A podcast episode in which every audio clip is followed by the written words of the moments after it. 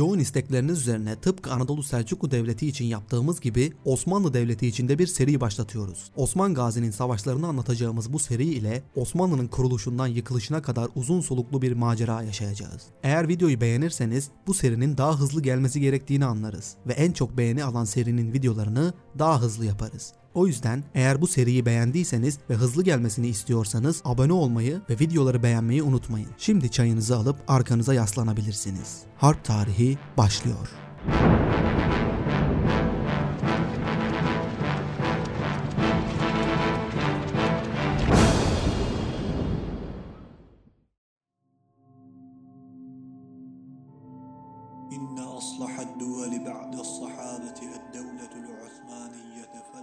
Sahabe devrinden sonra devletlerin en iyisi Osmanlı Devleti'dir.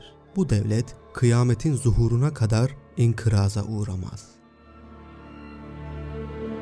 Şeyh Ekber Muhittin İbn Arabi Hazretleri Eşşeceretül Numaniye Fid Devletil Osmaniye isimli kitabında bu sözü yazdığı zaman cifir ilmine sahip alimler dışında kimse ne demek istediğini anlamamıştı. Zira takvimler 1230 yılını göstermekteydi. Henüz meydanda Osmanlı Devleti diye bir devlet yok, hatta devletin kurucusu Osman Bey'in doğmasına bile daha 28 yıl vardı.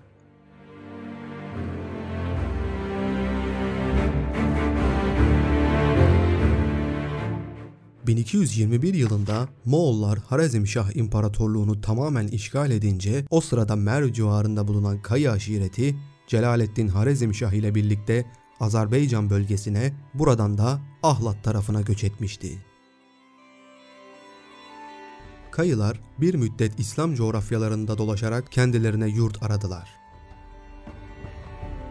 Caber Kalesi civarına geldiklerinde Kayı aşiretinin reisi Süleyman Şah vefat edince Kayı aşireti dağılmıştı. Bazı kayılar güneye inerken bazıları Suriye bölgesinde kalmıştı. Ertuğrul Gazi ve Sungur Tekin'in başlarını çektiği bazı kayılar ise 340 kadar çadırla tekrar Anadolu'ya Adıyaman bölgesine geldiler. O sıralar Anadolu Selçuklu Devleti'nin başında Ulu Alaaddin Keykubat bulunuyordu. Ertuğrul Gazi bunu işittiğinde er kıymetinin bilindiği yere varmak bizim için kaçınılmaz oldu diyerek oğlu Sarı Batu'yu Sultan Alaaddin'e gönderdi. Bize yurt yeri göstersin dedi.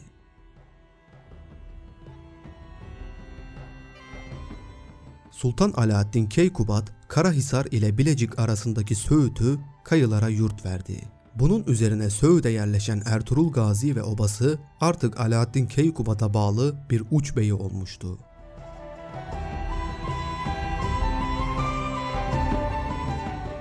O yıllarda İznik İmparatoru 3. İoannis ile Selçuklu Sultanı Alaaddin Keykubat arasında harp patlak vermişti.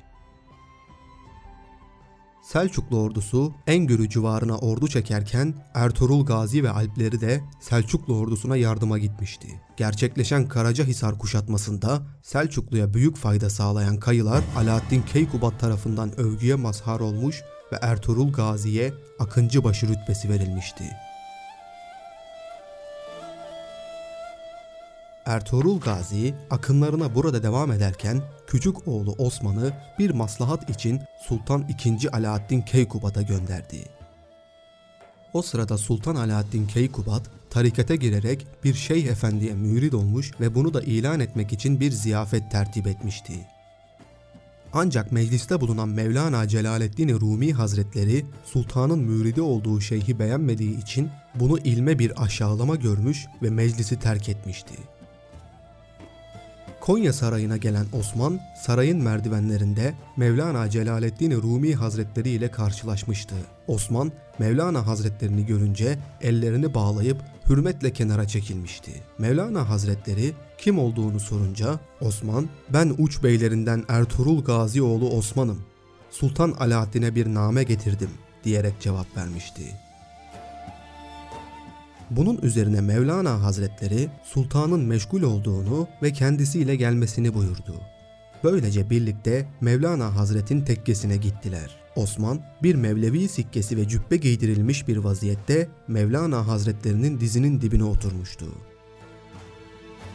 Mevlana Hazretleri ona evladım Fatiha-i Şerife oku deyince Osman Fatiha suresini okumaya başladı. Bu sırada Mevlana Hazretleri gözlerini kapamış ve derinlere dalmıştı.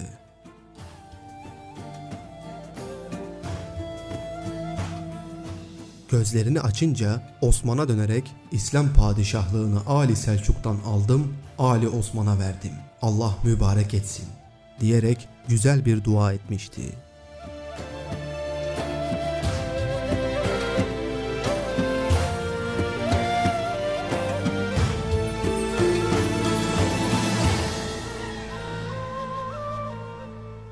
Fevkalade cesur, takva ehli ve faziletli bir insan olan Ertuğrul Gazi, Selçuklu Devleti'nin uç beyi olarak Karacahisar Kalesi'ni zapt etmiş ve Bilecik Tekfur'unu da vergiye bağlamıştı. Kayı aşiretinin gönlünde taht kurmuş olan Ertuğrul Bey 1281 yılında vefat edince Söğüt'te Osman Gazi'yi babasının yerine layık gördüler. Osman Gazi'ye babasından kalan henüz kuruluş halinde olan ve etrafı düşmanla çevrili bulunan Selçuklu'ya bağlı küçücük bir uç beyliğiydi. Osman Gazi fevkalade mert ve cesurdu. Büyük bir hamle ve teşebbüs gücüne sahipti. Yerinde ve zamanında hareket etmesini iyi bilirdi. Son derece soğukkanlı, metin ve sabırlıydı. Dinine ve yöneldiği yüce gayesine aşkla bağlıydı. İlahi kelimetullah davasında hudutsuz bir ihtiras sahibiydi. Hak yolunda hizmetine mani teşkil ettiği takdirde feda edemeyeceği hiçbir şey veya şahıs yoktu.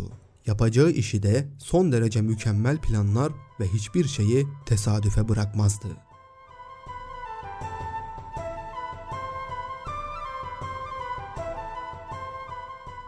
Osman Bey, Kayı aşiretinin başına geçtiği andan itibaren komşuları olan Rum tekfurları aleyhine olarak arazisini genişletmek arzusunu taşıyordu. Zira 4. Haçlı Seferi sonucunda İznik'e nakledilmiş olan Doğu Roma başkenti yeniden İstanbul'a dönmüş ve bu sebeple onun hudutlardaki idaresi de gevşemiş bulunmaktaydı. Buna rağmen Osman Bey niyetini belli etmeyerek civardaki Yenişehir ve Kefke Rum beyleri ve komutanlarıyla dostane münasebetler içindeydi. Lakin İnegöl Tekfuru Nikola ise Osman Gazi'nin sessizce kuvvetlendiğini hissediyor ve kuvvetlendikçe kendisi de dahil her yeri ele geçirip hükmedeceğini anlıyordu. Bunu önlemek ve Osmanlı Beyliği'nin gücünü kırmak için Osman Bey'e bağlı Türk aşiret mensuplarına karşı sık sık tecavüzlerde bulunuyordu.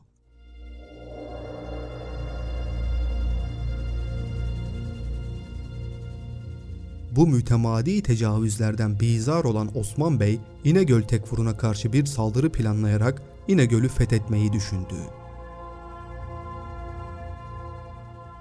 Babası Ertuğrul Gazi'nin arkadaşlarından Akçakoca, Turgut Alp, Konur Alp ve Abdurrahman Gazi ile istişare ettikten sonra harekete geçti. Ermeni beline doğru ilerlediği sırada İnegöl Tekfuru kontrolündeki Rum birliklerinin pususu ile karşılaştı.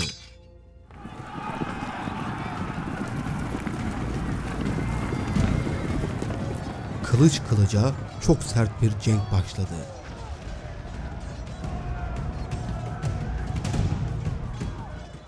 Çok kalabalık bir düşman ordusuyla çarpışan İslam mücahitleri zor anlar geçirdiler. Hatta bu arada mücahitlerin ünlülerinden Bay Hoca şehadet şerbetini içti.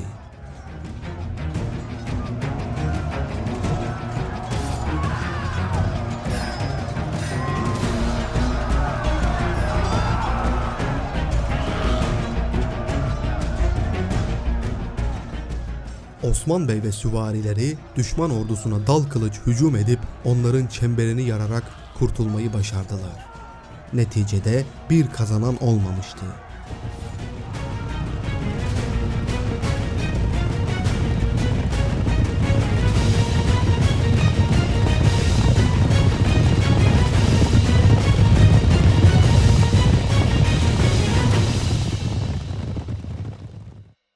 Osman Gazi Söğüt'e döndüğü zaman hüzünlüydü.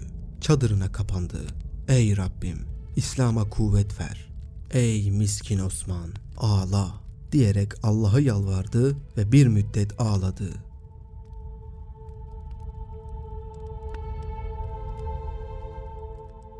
Uykusu galip gelip uykuya dalınca bir rüya gördü. Rüyasında Şeyhi Edebali'nin kuşağından bir ay doğduğunu gördü. Bu ay hilal olup hilalin bir ucu kalbine girmişti.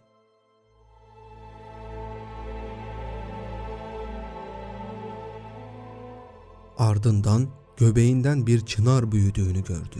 Bu çınar büyüyüp gölgesi cihanı kapladı.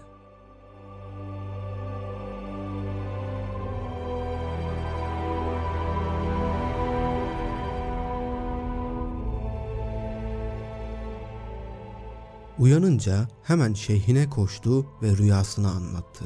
Şeyh Edebali, oğul Osman, padişahlık sana ve nesline mübarek olsun ve benim kızım Mal Hatun senin eşin olsun dedi ve Osman Gazi'yi kızı ile evlendirdi.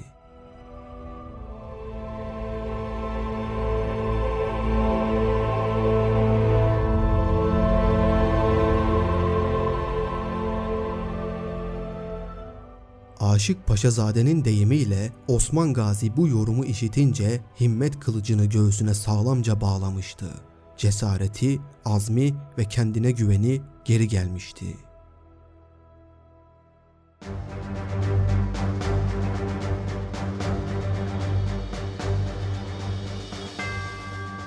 Bu müjdenin ardından Osman Gazi Kulaca Hisarı ele geçirmek için bir baskın planladı.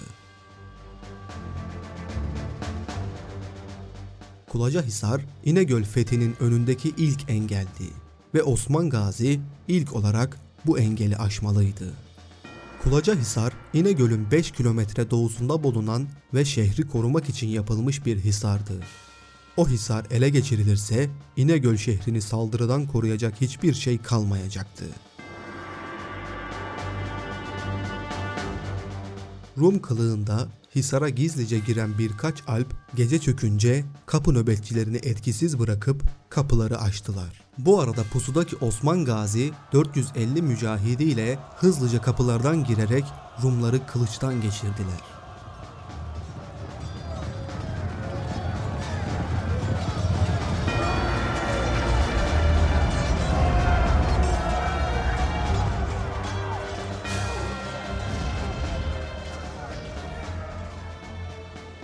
Kaleyi ele geçirip ateşe verdiler ve duvarlarını yıktılar. Böylece İnegöl şehri Kulacahisar'daki savunma garnizonunu kaybetmiş ve şehir savunmasız kalmıştı. Bu Osman Gazi'nin ilk fethi olmuştu. Kulacahisar'ın Osman Gazi tarafından yıkılması ile İnegöl Tekfur'u savunmasız durumda kalınca Karacahisar Tekfur'una haber yollayarak neye durursun seni ve neslini esir ederler. Hem bu vilayeti bizim elimizden alırlar harap ederler. Kendileri bir garip Sufi Türkmen değillerdir ki biz de ona göre muamele edeydik. Şimdi bunları bu vilayetten çıkarmazsak son pişmanlık fayda vermez dedi. Bunun üzerine İnegöl Tekfuru ve Karacahisar Tekfuru Osman Gazi'ye karşı anlaşmış ve birleşmişti. İkisi de ordusunu Söğüt ve Domeniç'te bulunan Osman Gazi ve mücahitler üzerine sevk etmişti. Bu iki ordu Osmanlıları tarih sahnesinden tamamen silmek için yürüyordu.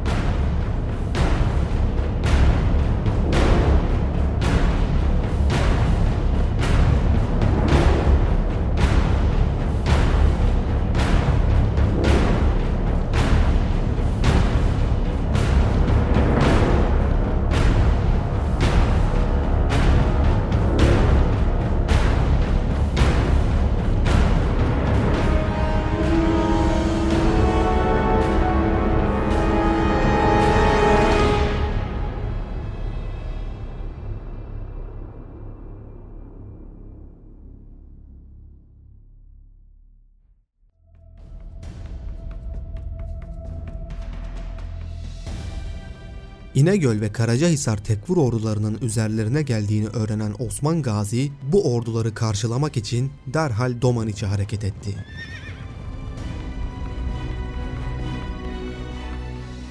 İkizce'ye ulaşıp Domaniç belini açtıkları bir alanda Doğu Roma ordusuna karşı pusu kurup beklemeye başlamışlardı.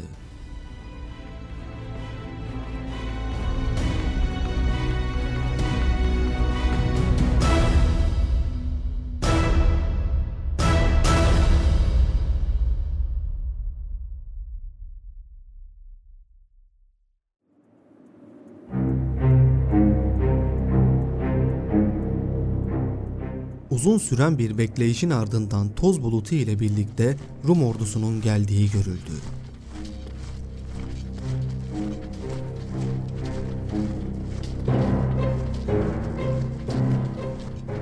Mücahitler Osman Bey'in emrini beklemekteydi.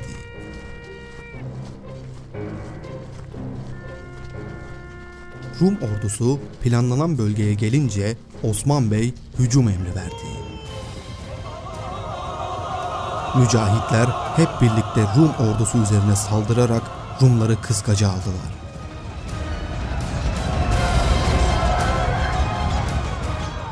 Rumlar hazırlıksız yakalanmalarına rağmen sayıca üstün olmalarının avantajını kullanarak mücahitlere zor anlar yaşattılar.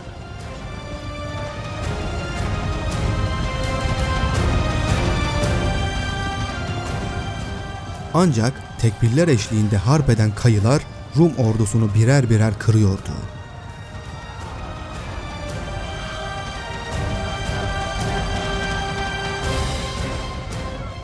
Bu şiddetli çatışmalar sürerken Osman Bey'in ağabeyi Sarıbatu aldığı darbe sonucunda ağır yaralanarak şehit oldu.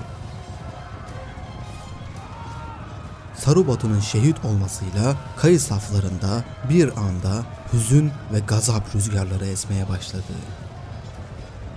Kayılar tam bir gayretle Rumlar üzerine fırtına gibi çöktüler.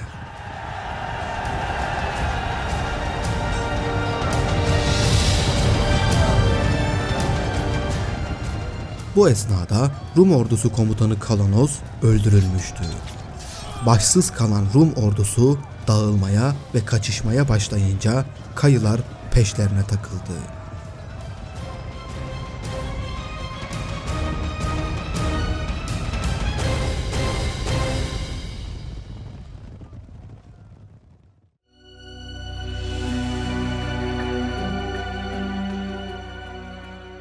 O gün pek çok Rum askeri öldürülmüş ve esir alınmıştı. Bu Osman Bey için büyük bir zaferdi. Ancak bu hüzünlü bir zafer olmuştu. Zira Osman Bey'in çok sevdiği ağabeyi Sarıbatu'nun şehit düşmesi herkesi hüzne boğmuştu. Bu zafer Osman Gazi'ye büyük bir şöhret kazandırmıştı.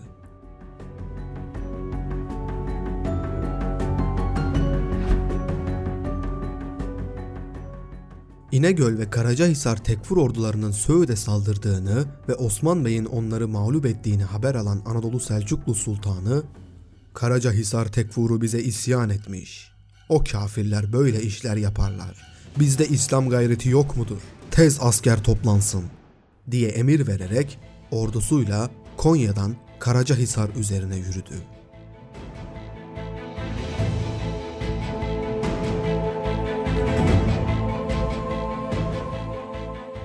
O sırada Osman Gazi ve mücahitleri de kaçan Rum ordusunu takip ederek Karacahisar'a ilerlemişti.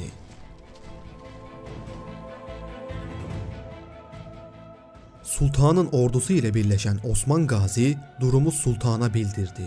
Sultan Karacahisar'ı ele geçirmek için mancınıklar ve harp aletleri getirtmişti. Birlikte Karacahisar'ı kuşatmaya başladılar.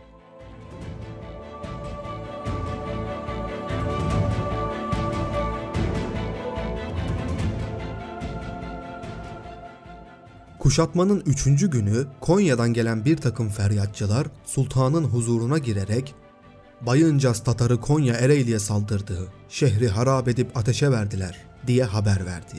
Bunun üzerine sultan Osman Gazi'yi çağırdı. Hisar kuşatması için getirdiği bütün silahları Osman Gazi'ye teslim etti. Oğul Osman Gazi, sende saadet nişanları çoktur. Sana ve senin nesline dünyada karşı koyacak kimse yoktur. Benim duam Allah'ın yardımı, evliyanın himmeti ve Hazreti Peygamber aleyhissalatu vesselamın mucizeleri seninledir dedi. Ardından kuşatmayı Osman Gazi'ye devrederek ordusuyla Konya'ya döndü.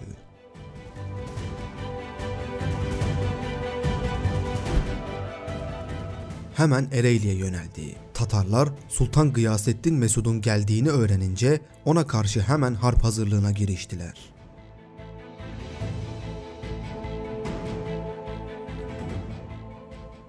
İki ordu Biga höyüğünde karşı karşıya geldi. İki gün, iki gece süren şiddetli bir muharebe yaşandı.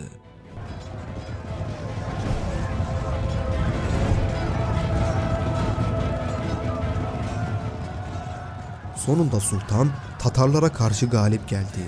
Ereğli halkına yaptıklarından ötürü Tatarlara hiçbir şekilde merhamet gösterilmedi.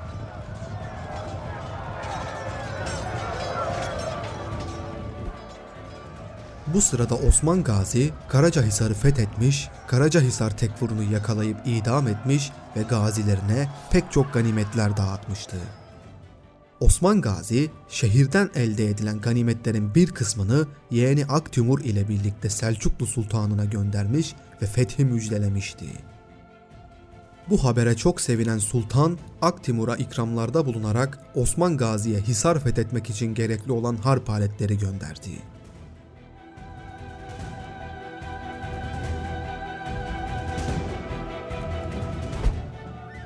Karacahisar Kilisesi camiye çevrilmiş, böylelikle Kuzeybatı Anadolu toprakları günde beş vakit namaza çağıran ezan seslerini dinlemeye başlamıştı. Zamanla şehirdeki Hristiyanlar Osman Gazi idaresindeki adalet ve hoşgörüden etkilenerek Müslüman olmaya başlamış ve Karacahisar bir İslam şehri olmuştu.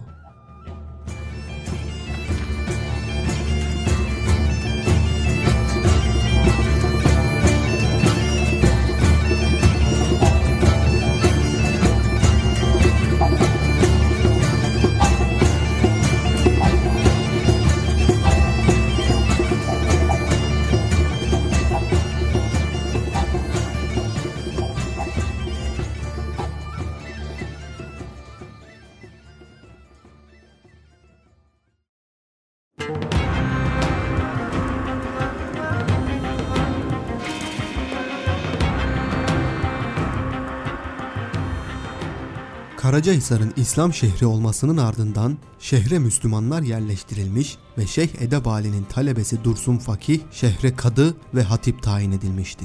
Hristiyan tebaa Osman Gazi idaresinden fevkalade hoşnut olmuş, aradıkları güven ve adalete kavuşmuşlardı. Şehirde yaşayan Hristiyan halk civar bölgelerdeki Rum halkını ve tüccarlarını Karacahisar'a davet ediyor ve Rum halkına Osman Gazi ve idaresindeki İslam şehirlerine karşı muhabbet hasıl olmaya başlıyordu. Zira Osman Gazi memleketin gelişmesine, adaletin yayılmasına, Müslim gayrimüslim ayırt etmeksizin halkın haklarının korunmasına çalışıyor, bu yolda kendisine Hazreti Ömer radıyallahu anh'a örnek alıyordu. Bu nedenle şehirler şen, yollar emin ve halk rahatlık içerisindeydi. Osman Gazi akınlarını Taraklı ve Göynük taraflarına yöneltmiş ve buraları da idaresi altına almıştı. Osman Gazi'nin Roma'ya karşı izlediği fetih siyaseti Bursa ve İznik şehirlerinde korkuya yol açmıştı. Bunun üzerine Osman Gazi 7 yıl boyunca Rumlar üzerine hiçbir akın yapmamış ve çevredeki Rum tekfurları ile dostluk kurarak iyi geçinmeye çalışmıştı.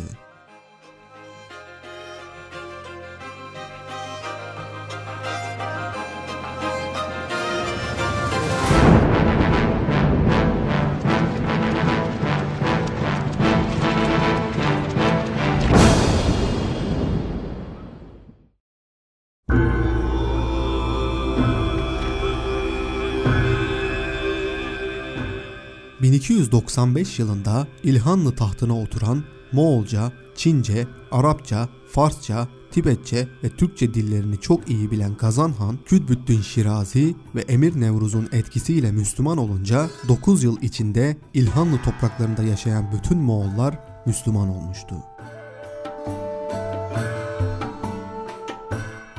1298 yılında Anadolu'daki Moğol valisi Sülemiş 50 bin askeriyle Gazan Han'a karşı isyan başlatmıştı.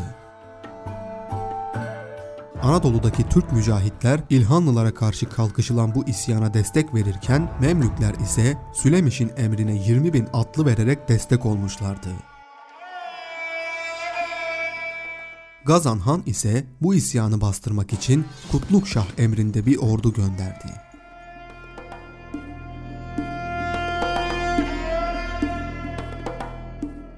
Bu isyan hareketi esnasında ise Selçuklu Sultanı 3. Alaaddin Keykubat tahtı terk ederek uzaklaşmış ve Selçuklu tahtı boş kalmıştı. Bu iki ordu Erzincan Akşehir Ovası'nda karşı karşıya geldi. Yapılan harbin neticesinde Sülemiş yenildi ve ordusu da dağıldı.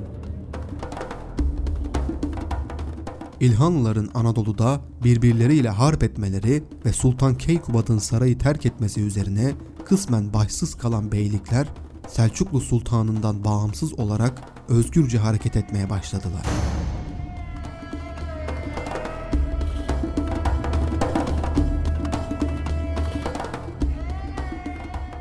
Sülemiş'in ordusundan geriye kalan Türkmen mücahitler ise Moğollardan kaçarak batıya, Osmanlı topraklarına kaçıp Osman Gazi emrine girmeye başlamıştı.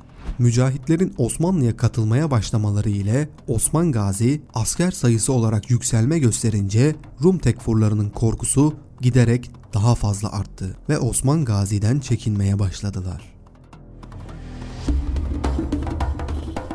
Osman Gazi Bilecik kafirlerine hürmet ederdi. Kendisine bu Bilecik kafirlerine neden hürmet gösterirsin diye sorduklarında ise Osman Gazi onlar komşularımızdır. Biz bu vilayete garip geldik. Bunlar bizi hoş tuttular. Şimdi de bizim bunlara hürmet etmemiz gerekir derdi. Ertuğrul Gazi'nin Söğüt'e yerleştiği ilk zamanlarda Kayılar her sene sürülerini otlatmak için dağlara çıkıp indiği zamanlarda Bilecik Kalesi'nde yaşayan Rumlar Türklere hakaret eder, koyun sürülerini dağıtırlardı.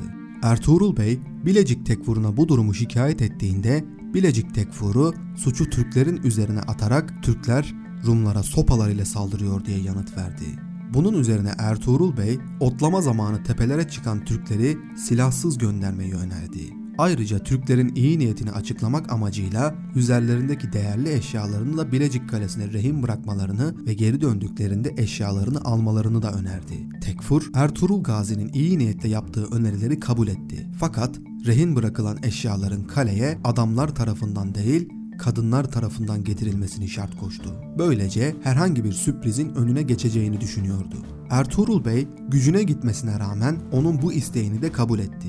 Böylece rehinler yıllarca alınıp verildi. Osman Gazi dönemine gelindiğinde de her yıl aynı şekilde devam etti. Türk kadınları at koşumları, bal, kaymak ve yağ gibi eşya ve yiyecekleri tekfura armağan ederlerdi. Ancak yaşanan son olaylardan sonra tıpkı diğer tekfurlar gibi endişeli olan Bilecik tekfuru Türk geleneğince kendisine verilen armağanları sanki kendisine bağımlı bir aşiretten vergi alır gibi saygısızca kabul etmeye başladı. Bu durum Osman Gazi'nin onuruna dokunmuştu.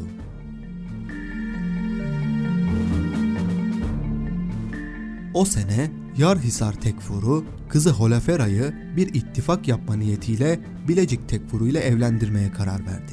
İnegöl, Yarhisar ve Bilecik Tekfurları kendi aralarında konuşmuş ve hızla güçlenmekte olan Osman Gazi'yi de bu düğüne davet etmeye karar vermişlerdi. Düğündeyken onu savunmasız bir şekilde zehirleyip öldürmeyi planlamışlardı. Ancak Harmankaya Tekfuru Mihal'in Osman Gazi ile gerçekten dostane bir ilişkisi vardı.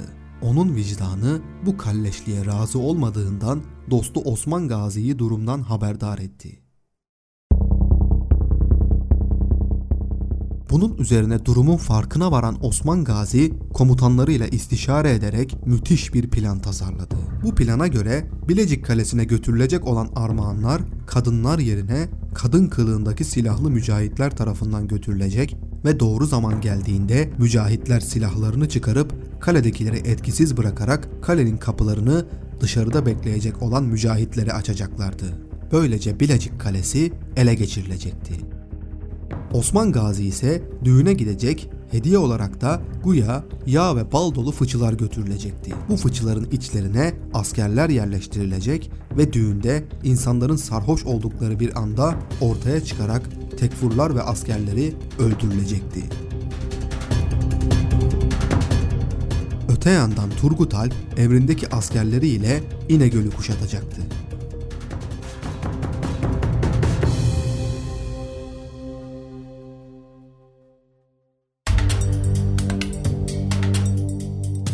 Bilecik Tekfur'u düğün için Çakırpınarı'na gitti. Osman Gazi en bahadır cengaverlerini fıçılara yerleştirmiş, kendisi de 30 adamı ile yola çıkmıştı.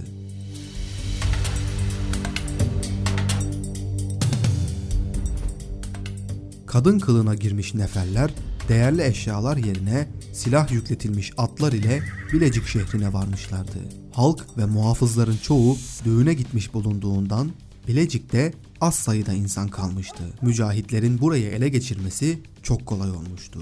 Kaledeki muhafızlar öldürülmüş ve kapılar açılıp dışarıda bekleyen 100 mücahit içeri girmişti. Savunma yapacak kimse kalmayınca Bilecik şehri çok kısa bir sürede ele geçirildi.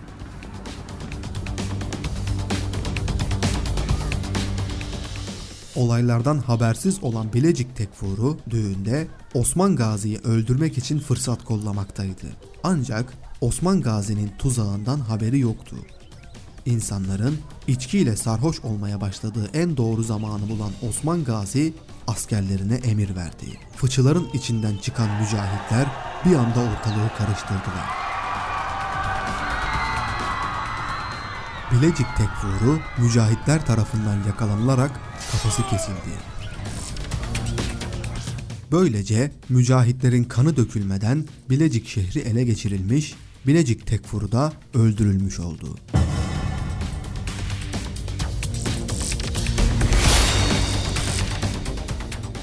O sırada Turgut Alp, Selçuklu Sultanı'nın gönderdiği mancınıklar ve kuşatma aletleriyle İnegöl şehrini kuşatma altına almıştı. Osman Gazi de emrindeki askerleriyle vakit kaybetmeden Yarhisar şehrini kuşatmıştı.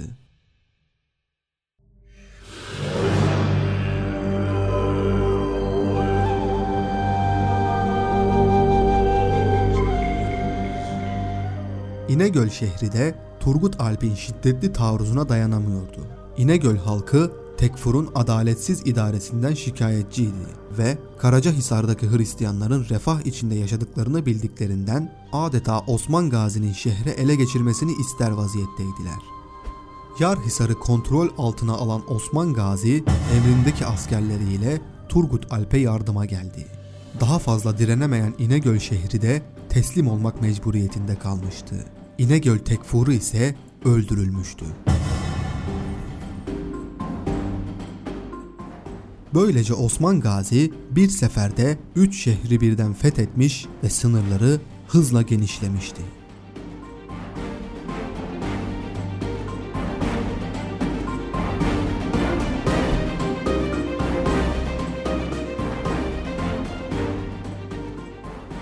Bir rivayete göre o sene tahtı terk eden Selçuklu Sultanı Moğollar tarafından idam edilmişti.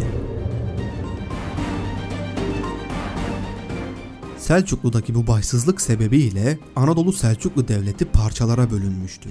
Bölünen her parça bağımsız bir beyin idaresine geçmişti.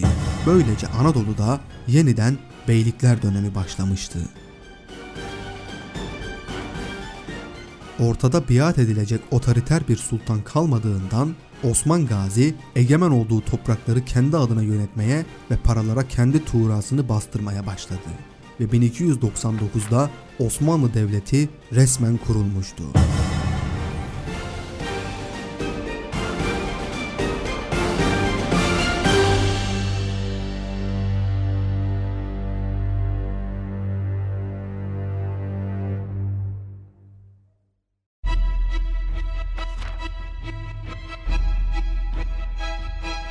Anadolu Selçuklu Devleti'nin ilk başkenti olan İznik şehri 1. Haçlı Seferi'nde Müslümanların elinden çıkmış ve Selçuklu başkenti Konya'ya taşınmak zorunda kalmıştı. Ancak Selçuklu'nun ata yadigarı olan İznik şehrini geri alma isteği hiç dinmemişti. Türklerin geri püskürtüldüğü kurak Eskişehir Ovası artık Roma ile Selçuklu arasında sınır haline gelmişti. Ancak konar göçer Türkmenler sınırın ötesindeki iyi yaylalara ihtiyaç duyduğundan sık sık sürülerini otlatmak için Roma topraklarına giriyorlardı.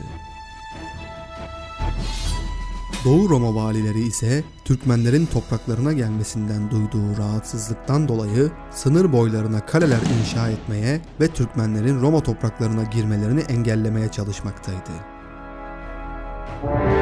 1176 yılında Roma ve Selçuklu arasında gerçekleşen Mirya Köfelon Muharebesi'nde Selçuklular büyük bir zafer kazanmış ve Rum ordusunu yenmişti.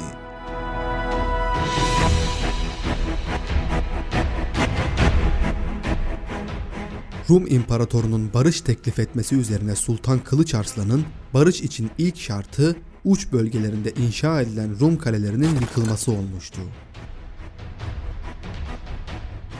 Selçukluların özellikle de Selçuklu'nun uçlarındaki gazilerinin İzni'yi İslam adına yeniden fethetme fikrini asla terk etmedikleri ortadaydı. Zira Müslümanlar için bir ülke bir kez Darül İslam'ın parçası oldu mu orası daima İslam ülkesi sayılırdı. Oranın kaybının ise geçici olduğuna inanılırdı. Dolayısıyla Selçuklu'nun uç beylerinden olan Kayı aşireti içinde İzni'yi yeniden fethetmek nihai bir hedefti. Şimdi ise Anadolu Selçuklu'dan bağımsızlaşan Osman Gazi, Bilecik, Yarhisar ve İnegöl şehirlerini fethetmiş ve yönünü eski Selçuklu başkenti olan İzni'ye çevirmişti.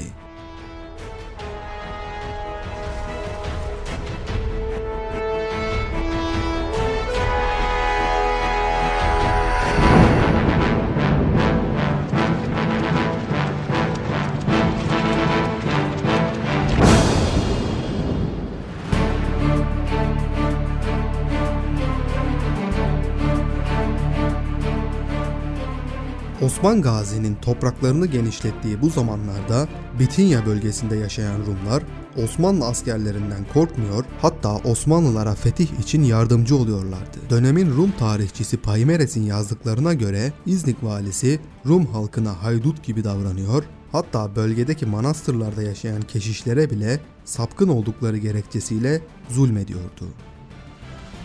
Osmanlı idaresi altına girmiş bulunan Rum halkı dinlerini daha özgürce yaşadığını ve adalet ile idare olunduklarını anlatıyor ve bölgedeki diğer Rumlar da Osmanlı idaresine girmek için adeta can atıyorlardı. Bilecik, Yarhisar ve İnegöl şehirlerini fetheden Osman Gazi, civardaki Rum şehir ve kalelerine karşı fetih hareketlerine devam etti.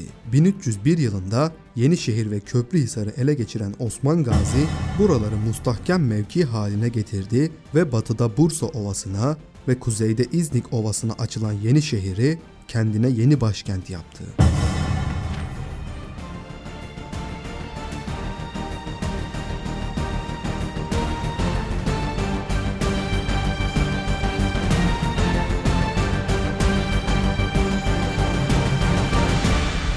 Yenişehir'e yerleşen Osman Gazi öncelik olarak İznik'in fethini planlıyordu. Osman Gazi bu şehrin fethini en önemli işlerden biri olarak görüyordu ve hiçbir uyarıda bulunmadan hazırlıklarını tamamlayıp İznik şehrine doğru yürüdü. İznik şehrinin etrafını kısa sürede kontrol altına alan Osman Gazi, İznik'in yakınına bir gözetleme kulesi inşa ettirdi. Bu suretle İznik şehri ablukaya alınmıştı. İznik şehrine giden yollar kesildiği için şehre iaşe sağlayamayan İznikliler gizlice Rum imparatoruna haber gönderip yardım istemişti. Roma İmparatorunun ana gayesi batıda kaybedilen toprakları geri almak olduğu için en iyi birlikleri Trakya'da, Makedonya'da ve Yunanistan'da tükeniyor ve bu yüzden Anadolu'daki topraklarına fazla önem veremiyordu. Osman Gazi'nin İznik şehrini kuşattığını, Bilecik, Yarhisar ve İnegöl şehirlerini de ele geçirdiğini öğrenen İmparator II. Andronikos, paralı askerlerden oluşan 7000 kişilik bir ordu hazırladı.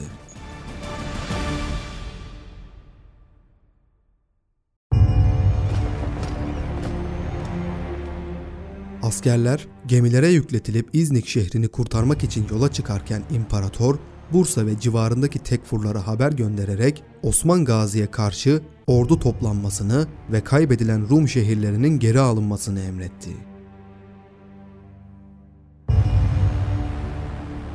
Bunun üzerine tekfurlar Osman Gazi'ye karşı ordu hazırlığına giriştiler.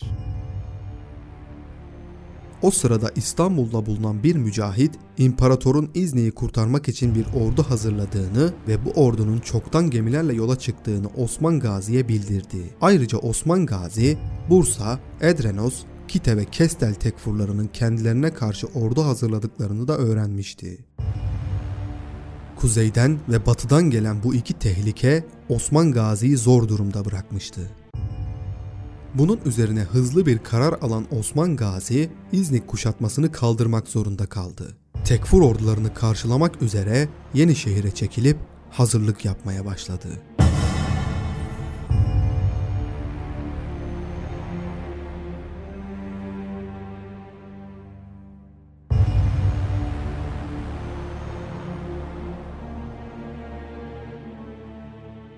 Rum orduları toplanmış ve Yenişehir üzerine yürüyüşe geçmişti.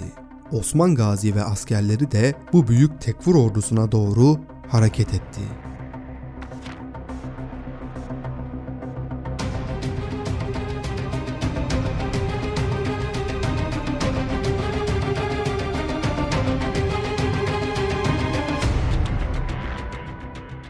İki ordu gece karanlığında karşı karşıya geldi.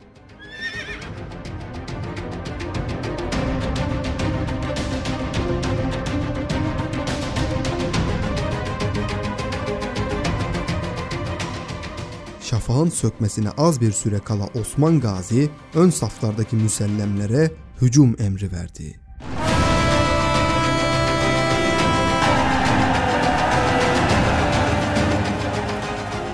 Rum ordusu komutanı Muzolon ise ön tarafa yerleştirdiği mızraklı piyadeler ile savunmada kaldı. Ön saftaki mızraklı piyadelerin arkasında süvariler bulunuyordu. Bu sayede Muzalon ön saftaki mızraklı askerler ile Osman Gazi'nin şok saldırısını durdurup arkadaki süvariler ile Osman Gazi askerlerinin etrafını sarmayı planlıyordu. Osman Gazi emrindeki müsellemler hızlı ve sert bir şekilde Rum piyadeleriyle çarpıştılar.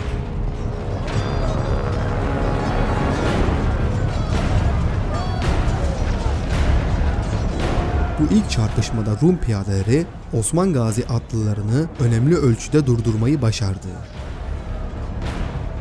Ardından Muzalon süvarilere emir vererek Osman Gazi'nin etrafının sarılmasını emretti.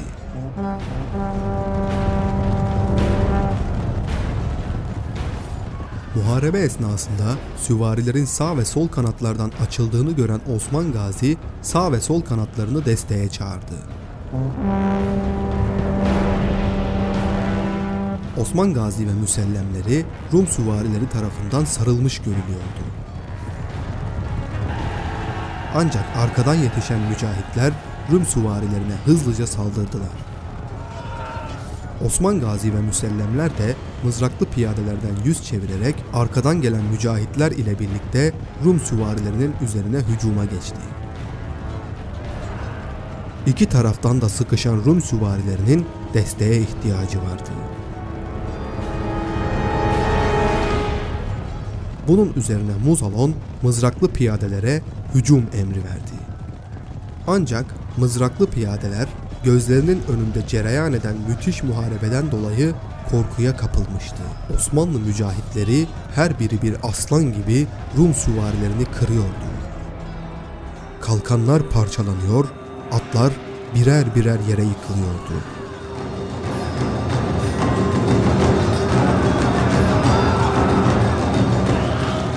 Muzalon piyadelere hücum emrini yineledi.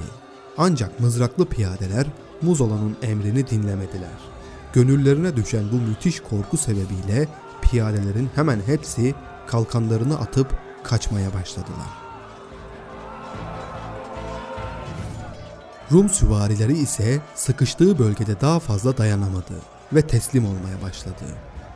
Muharebeyi kaybettiğini gören Rum komutanı Muzalon savaş alanını terk etti. Zafer kesin olarak Osman Gazi ve mücahitlerinin olmuştu.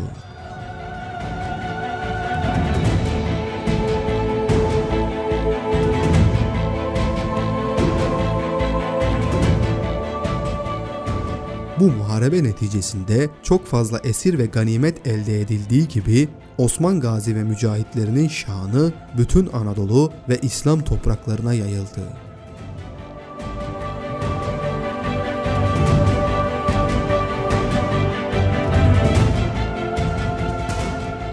Osman Gazi'nin küffara karşı müthiş bir gaza hareketi başlattığını öğrenen tüm gaziler akın akın Osman Gazi saflarına katılmaya başladılar. O kadar çok gönüllü mücahit toplanmıştı ki kısa sürede Osman Gazi emrindeki askerlerin sayısı Rum ordusu askerlerinin sayısını dahi geçmişti. Osmanlı topraklarına gelenler arasında yalnızca gaziler değil, sanatkarlar, alimler ve sofiler de bulunuyordu. Kısa sürede Osmanlı Devleti askeri, iktisadi ve kültürel anlamda oldukça zenginlik kazanmıştı. Roma'nın ise Osman Gazi'ye meydan okumaya mecali dahi yoktu.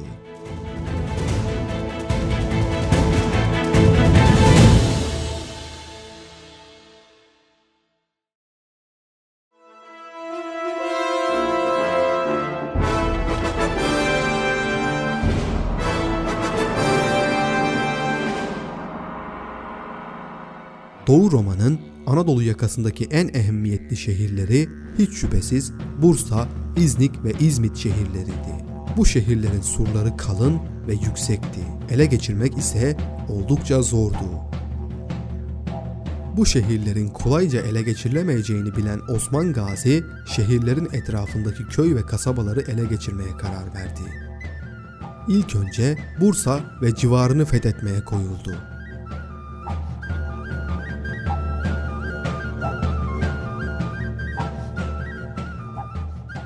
Kısa sürede Kite, Kestel ve Ulubat kaleleri fethedildi.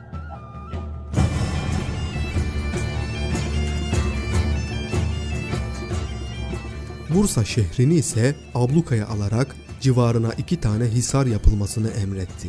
Bu hisarlara askerler yerleştirerek Bursa şehrinden kimse çıkmayacak, şehre kimse girmeyecek diye emir verdi.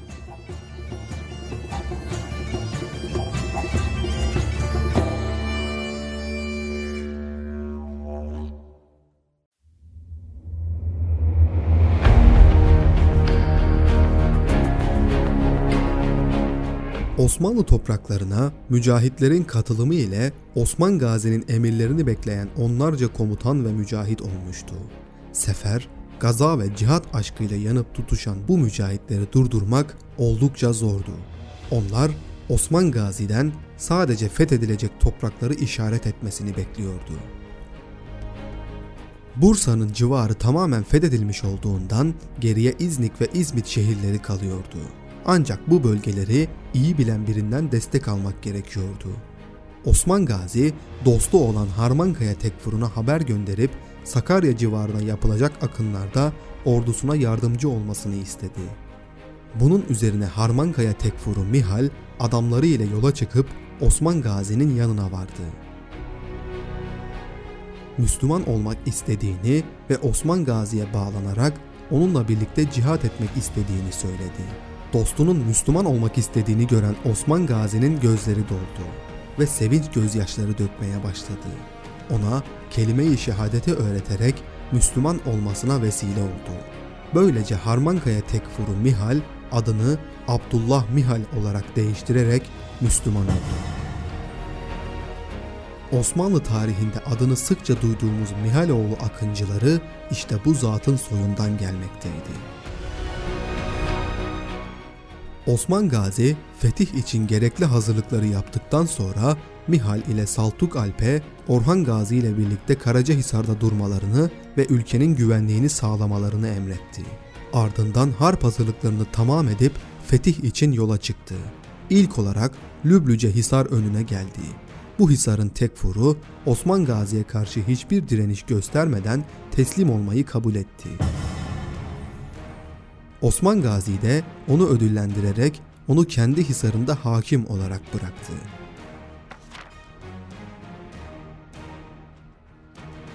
Lefke ile Çadırlık tekfurları da kendi rızalarıyla şehirlerini teslim ettiler ve Osmanlı Devleti'ne katılmak istediler.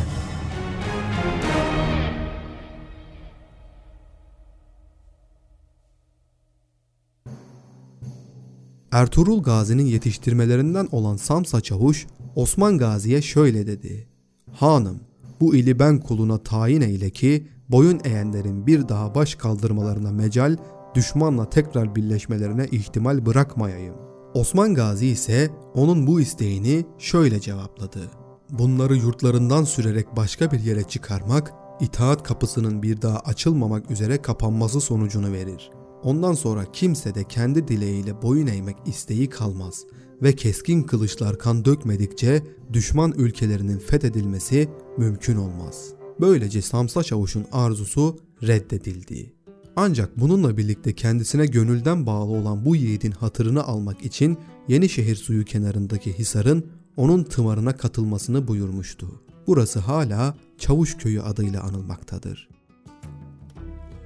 Ardından Osman Gazi ordusuyla Yenice şehri önüne geldi. Buranın tekfuru da hiçbir direniş göstermeden Osman Gazi'ye teslim oldu. Ve Osman Gazi'den iltifat gördüğü gibi kendisi de zaferleri gölge edinmiş askerler arasına alındı.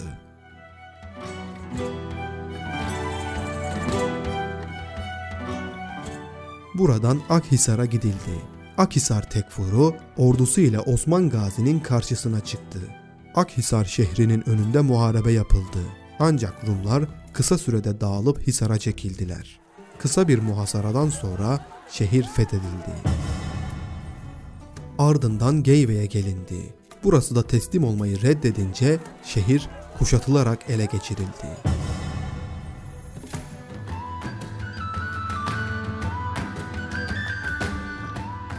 Buradan Tekfur Pınarı'na gelerek orayı da ülkesine kattı.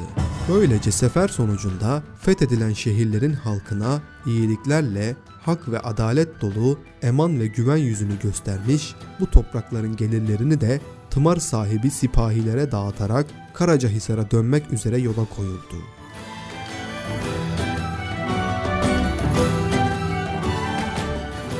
O sırada Çavdarlı adıyla bilinen ve kötü işlerle uğraşan Çavdar Tatarları Germiyan ilinden hareketle Osmanlı topraklarına girip pazarları yağmaladı.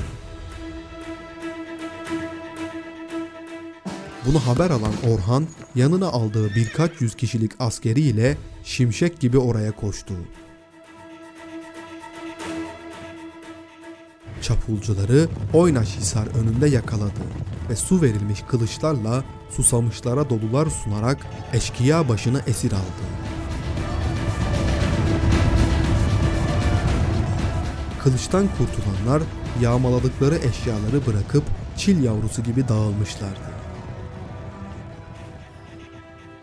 Eşkıyayı böylece tepeleyen Orhan tutsakları önüne katıp Karacahisar şehrine getirdi. Hisar halkı Orhan'ı alkışlarla överek karşılamış ve dualar etmişlerdi. Osman Gazi ise şan ve şerefle Karacahisar'a döndüğü vakit Yiğit oğlunun başarısını düşmanı tutsak ettiğini haber alınca hayran kaldı. Oğlu Orhan'ın düşündüğünden de fazla olgunlaşmış olduğunu, cenk meydanlarında olağanüstü bir varlık gösterdiğini görünce onu fetihler ile iyice tanınması için askerlerinin başına başbuğ tayin etti. Yanına Abdurrahman Gazi, Akçakoca, Konur Alp ve Mihal gibi komutanları vererek harp idare etme becerisini sınamak ve geliştirmek için Sakarya suyu kıyısındaki surları güçlü ve ele geçirilmesi zahmetli olan Karaciş'i fethetmesini istedi.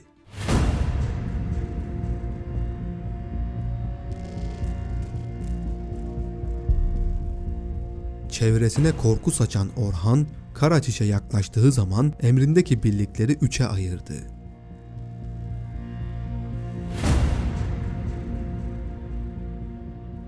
Birinci bölük Hisar'ın ardına geçip gizlendi. Öteki bölükte o yere de uygun bir zeminde pusuya yattı.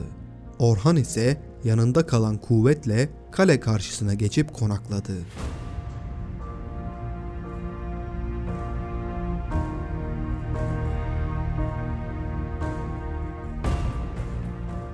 Birkaç günlük bekleyişin ardından Hisar Tekfuru askerlerini toplayarak saldırıya geçti.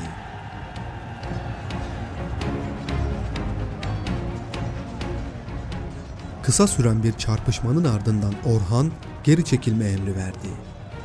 Bunun üzerine küffar zafer kazandığını zannederek kovalamaya başladı.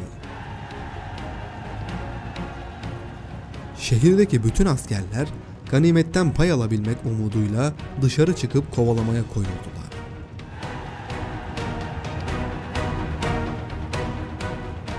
Şehrin boşaldığını gören Hisar arkasındaki birlik hızlıca surlara yanaşıp merdiven dayayarak savunmasız kalan surlara tırmanıp kolayca şehre girdiler.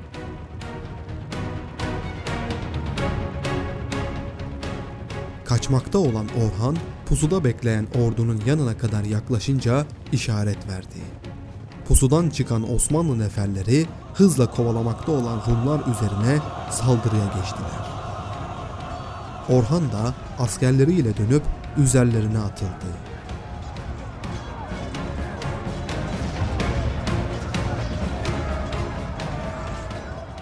Korkuya kapılan Rum askerleri hızlı atlarıyla şehre geri çekilmeye başladılar.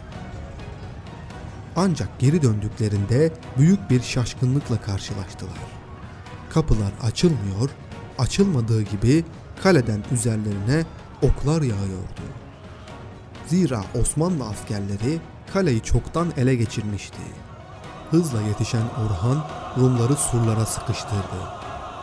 Böylece Orhan dahiyane bir şekilde Karaçiş Kalesi'ni fethetmiş ve rüştünü cümle aleme ispat etmişti.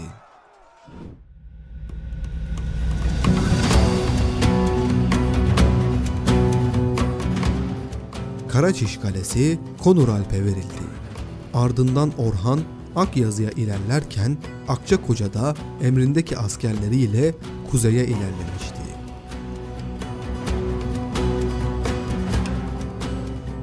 Akyazı kuşatması uzun sürmüş ve nihayetinde Orhan buranın fethini Konur Alp'e bırakarak Karatekin Hisarı'na ilerlemişti.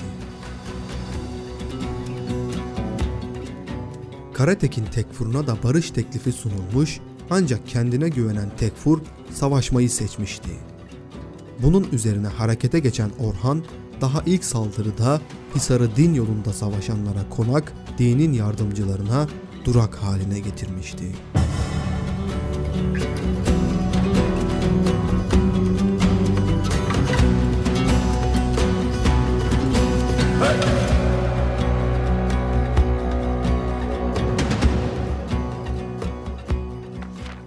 Osman Gazi'nin güçlü mizacı ve sağlam yapısı zamanla bir takım ağrılar ve tökezlemeler sebebiyle bozulmuş, devası güç bulunur bir hastalık baş göstermişti.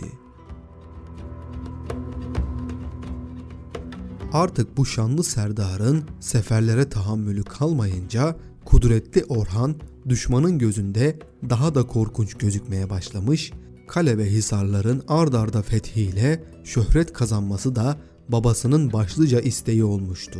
Bu maksatla ol bahtı güzeli, zaferleri amaç edinen askere baş ve bu edip devlet ve ikballe Bursa'yı fethetmek üzere göndermişti.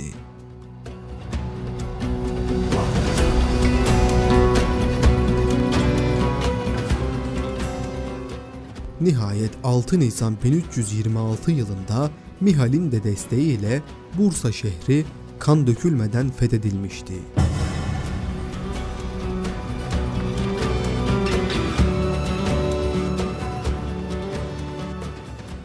Devrin hakimi olan Orhan, gönüller alan bu fetihle sevinçlere boğulmuşsa da Keremli atasının rahatsızlığının gittikçe artmış olması kederlerin üzerine saldırmasına sebep olmuştu.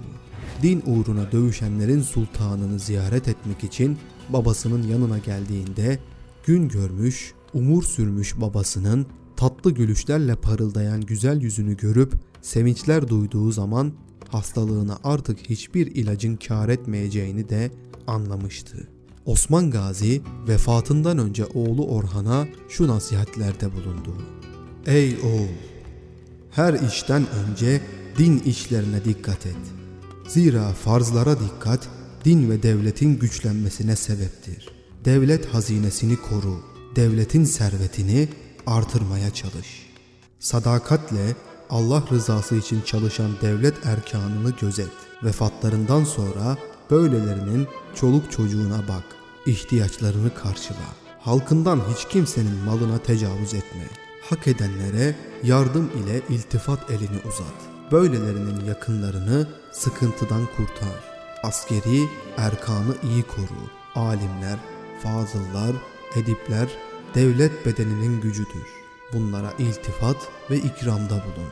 Hükümetinde ulema, fazıl kimseler, erbab-ı marif çoğalsın. Siyaset ve din işleri nizam bulsun. Benden ibret al ki bu diyarlara zayıf bir bey olarak gelip hak etmediğim halde bunca Cenab-ı Hakk'ın yardımına eriştim. Sen de benim yolumdan git ve bu dini Muhammediye'yi ve ashabını ve başka sana tabi olanları koru. Allah'ın hakkını ve kulların hukukunu gözet ve senden sonrakilere de böyle nasihat etmekten geri durma. Adaletli ve insaflı ol. Zulmü kaldırmaya devam et. Her bir işe teşebbüste Allah'ın yardımına güven. Halkını düşman istilasından ve zulme uğratılmaktan koru. Halkı taltif et. Hepsinin rızasını kazan.